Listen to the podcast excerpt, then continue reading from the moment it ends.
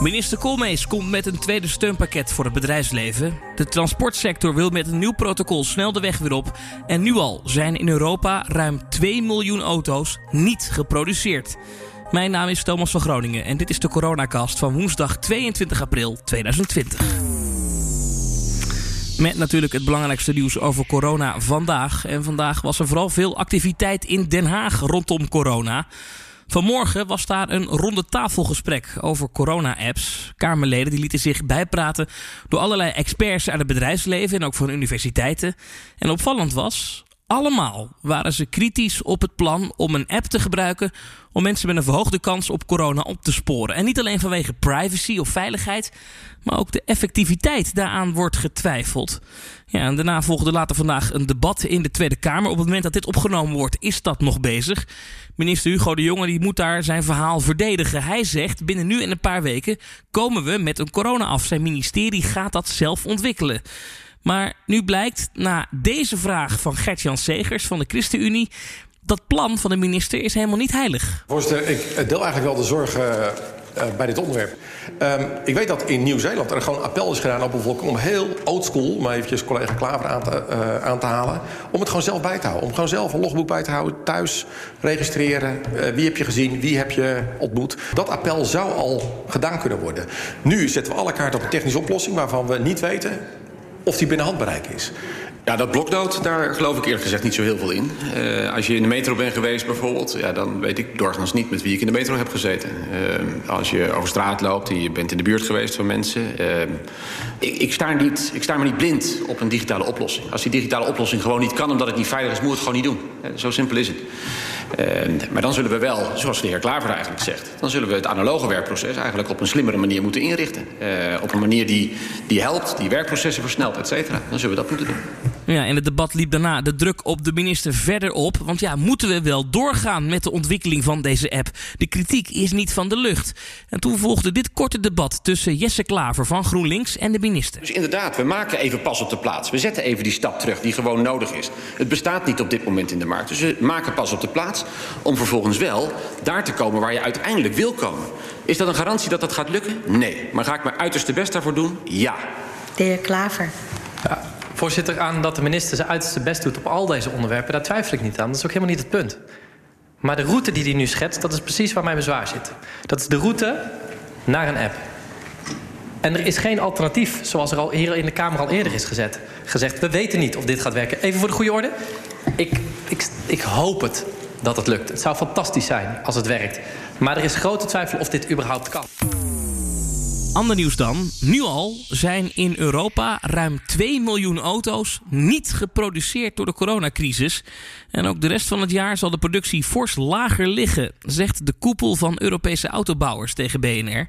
Voor heel dit jaar wordt rekening gehouden met een strop van 150 miljard euro.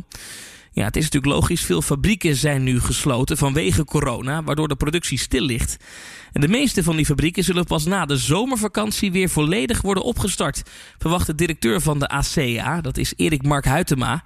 Hij houdt rekening met een productieverlies van meer dan 30% voor dit jaar. En hij zegt dan: het gaat om 5,5 miljoen voertuigen die hierdoor niet uit de fabriek rollen. En nu zitten we dus al op 2 miljoen. De kans is nu dat de wachttijden bij dealers op gaan lopen als je straks een auto wil kopen. Volgens Huytema hebben autofabrikanten over het algemeen voldoende vet op de botten om die crisis boven te komen, financieel dan. Maar het gevaar bestaat dat toeleveranciers omvallen, want die maken soms heel specifieke onderdelen. Bijvoorbeeld bij vrachtwagens. Dat soort onderdelen worden in kleinere aantallen gemaakt en die productie ligt nu helemaal stil. Nou, dat zijn allemaal problemen en risico's. Morgenochtend daarover meer op BNR Nieuwsradio. En dan gaan we naar de steunmaatregelen voor het bedrijfsleven. Eerst even naar de NOW-regeling. Minister Koolmees heeft de voorwaarden om in aanmerking te komen voor die regeling verruimd.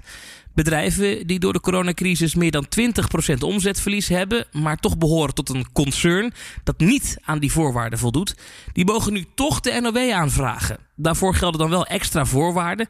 Die grote bedrijven, die concerns, die moeten afspraak maken met vakbonden over het behoud van werkgelegenheid. En ze moeten over 2020 wel afzien van het uitkeren van dividend of bonussen. Nou ja, over die voorwaarden gesproken. Minister Koolmees werkt ook aan een tweede steunpakket voor het bedrijfsleven. En een Kamermeerderheid van ChristenUnie, D66, PVV en de linkse oppositie die wil daar harde voorwaarden aan verbinden. Bedrijven die mogen geen bonussen en geen dividend meer uitkeren als ze gebruik maken van die steunmaatregelen. Politiek verslaggever Swie van Leeuwen die volgt het debat en die legde uit dat de VVD op dit punt een klein beetje in de knauw kwam. Er is een brede eis in de Kamer. En ook de VVD zegt nu: we willen voorwaarden voor de bedrijven die beroep doen op die miljardensteun van de overheid in deze crisis. Het gaat om dat tweede noodpakket, dat is dus na juni. Nou, dat gaat er gewoon komen, want de getroffen sectoren die schreeuwen om geld om de zomer te overleven. Klaas Dijkhoff, fractievoorzitter van de VVD. Wat ik niet wil, is dat wij een bedrijf gaan helpen die zegt: ik kan onze mensen niet in dienst houden. En dan wel uh, uh, aandelen terugkoopt of dividend uitkeert op, op de manier hoe wij er meestal naar kijken. Ik, maak, ik ben er voorzichtig in, omdat ik geen expert ben in alles. Dijkhoff is geen expert, maar hij zegt ja, er zijn misschien ook uitzonderingen. Maar toch, je hoort hem zich aansluiten toch al bij die Kamermeerderheid. Die zegt: het kan gewoon niet zo zijn dat de overheid indirect eigenlijk aan het betalen is voor dat dividend van die aandeelhouders. Ja. He, dus uh, moedertje staat, die zorgt voor jullie, maar voor wat hoort dan wel wat. Dan moet je ook iets inleveren. Het gaat dus om voorwaarden over winst, bonussen, dividend. Het gaat niet over andere eisen. In het buitenland zie je dat wel, waar bijvoorbeeld eisen worden gesteld aan de vergroening van bedrijven. Van Leeuwen legt uit. Nou, dat hoor je wel vooral in de linkse oppositie, die vraag. Uh, ook trouwens in de coalitie bij uh, Rob van D66. Uh, die heeft ook een geuzennaam, de klimaatdrammer. Hij zegt, je moet nu je slag slaan als overheid... en dan direct bijvoorbeeld KLM gaan vergroenen. Als KLM een groot beroep doet op ondersteuning van de Rijksoverheid... dan ook met KLM afspraken maken over hoe die vloot de komende jaren wordt verduurzaamd... zodat er minder impact is op natuur en klimaat... en je ook minder impact hebt op de directe omgeving van die luchthavens. KLM maakt natuurlijk massaal gebruik van die NOW-regeling... dus uh, ongeveer ja. al de vliegtuigen, personeel is aan de grond. Maar Jette die gaat er geen meerderheid voor krijgen vandaag. VVD wil het ook niet. Dijkhoff die zei uh, vandaag, het moet geen chantage worden. Het kan niet zo zijn dat je van een transportbedrijf vraagt... dat hij geen CO2 uitstoot. Of van een kroeg eisen dat hij alcoholvrij schenkt. Dus ik zie dat hier niet gebeuren vandaag. Wanneer het nieuwe steunpakket gepresenteerd wordt, is nog niet bekend. Tot zover de coronacast van vandaag. Kort nog even één ding tot slot. De schoenen van Jesse Klaver. Nou, de heer Wilders heeft een punt van orde en ik ben het met hem eens. De heer Wilders. Nou, misschien heeft iemand een paar sokken voor de heer Klaver. Hij is vergeten sokken aan te doen. Gaat u verder. Ik ben blij dat in uh, de grootste crisis uh, sinds de Tweede Wereldoorlog... de Wilders toch uh, ook oog houdt voor het kleinmenselijk leed. Dank u. Het was een grapje. Ja, hij zei later buiten het debat nog tegen ons dat dit vanwege de zomerse temperatuur is. Geen sokken is dan wat frisser voor het Kamerlid. Um, ja, hij heeft dat thuiswerken toch nog één voordeel. Dan hoef je in ieder geval niet tegen de blote voeten van je collega aan te kijken. Morgen is er weer een coronacast. En ik zou zeggen, tot morgen en fijne avond.